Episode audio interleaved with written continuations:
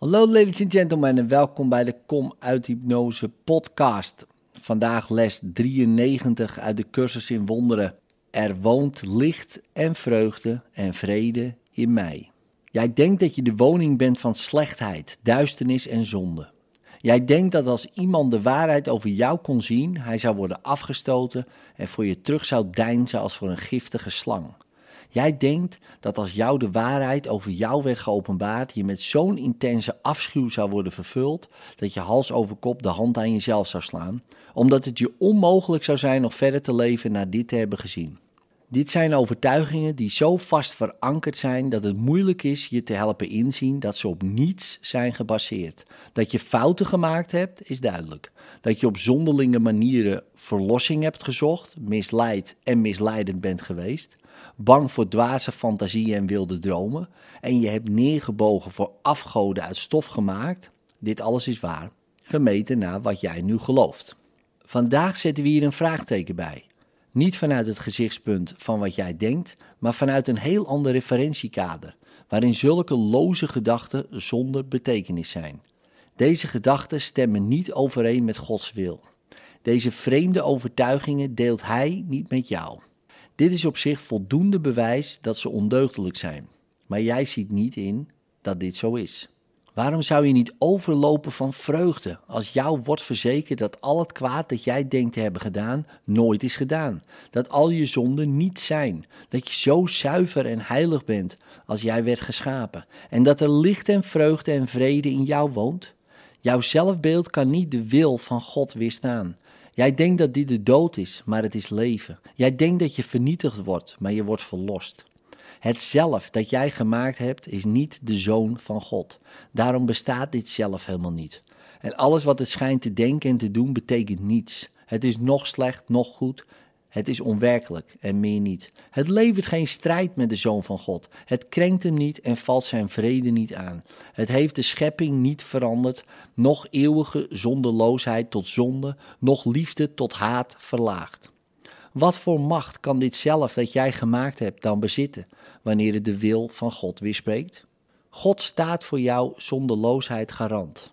Steeds en steeds weer moet dit worden herhaald, totdat het wordt aanvaard. Het is waar.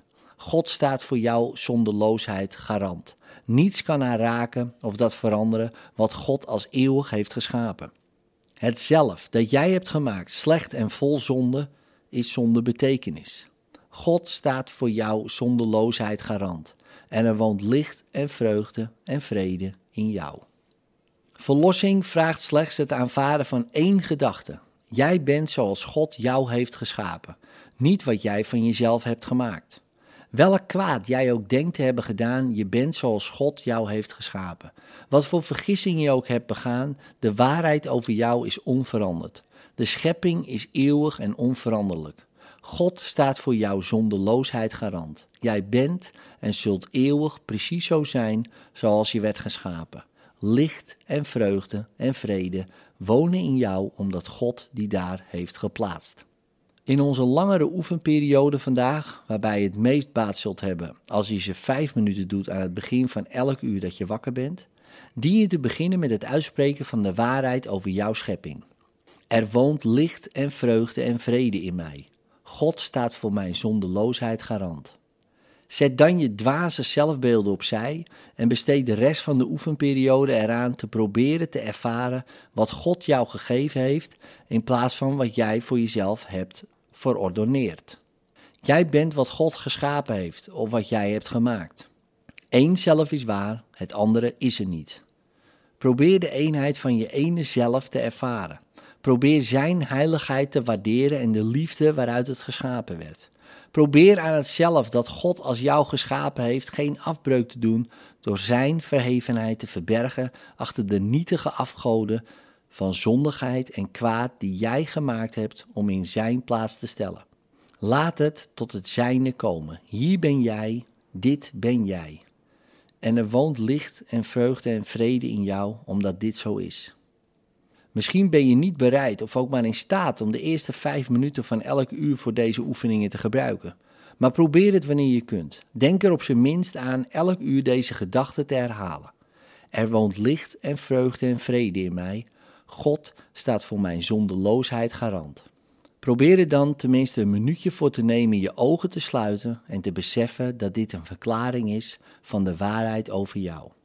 Als zich een situatie voordoet die verontrustend lijkt, verjaag deze illusie van angst dan snel door deze gedachte opnieuw te herhalen. Mocht je in de verleiding komen om kwaad op iemand te worden, zeg hem dan in stilte: Er woont licht en vreugde en vrede in jou. God staat voor jouw zonderloosheid garant. Je kunt vandaag veel doen voor de verlossing van de wereld. Je kunt vandaag veel doen om je dichter te brengen bij de rol in de verlossing die God jou heeft toegewezen. En je kunt vandaag veel doen om je denkgeest ervan te overtuigen dat het idee van vandaag inderdaad de waarheid is. In liefde, tot morgen.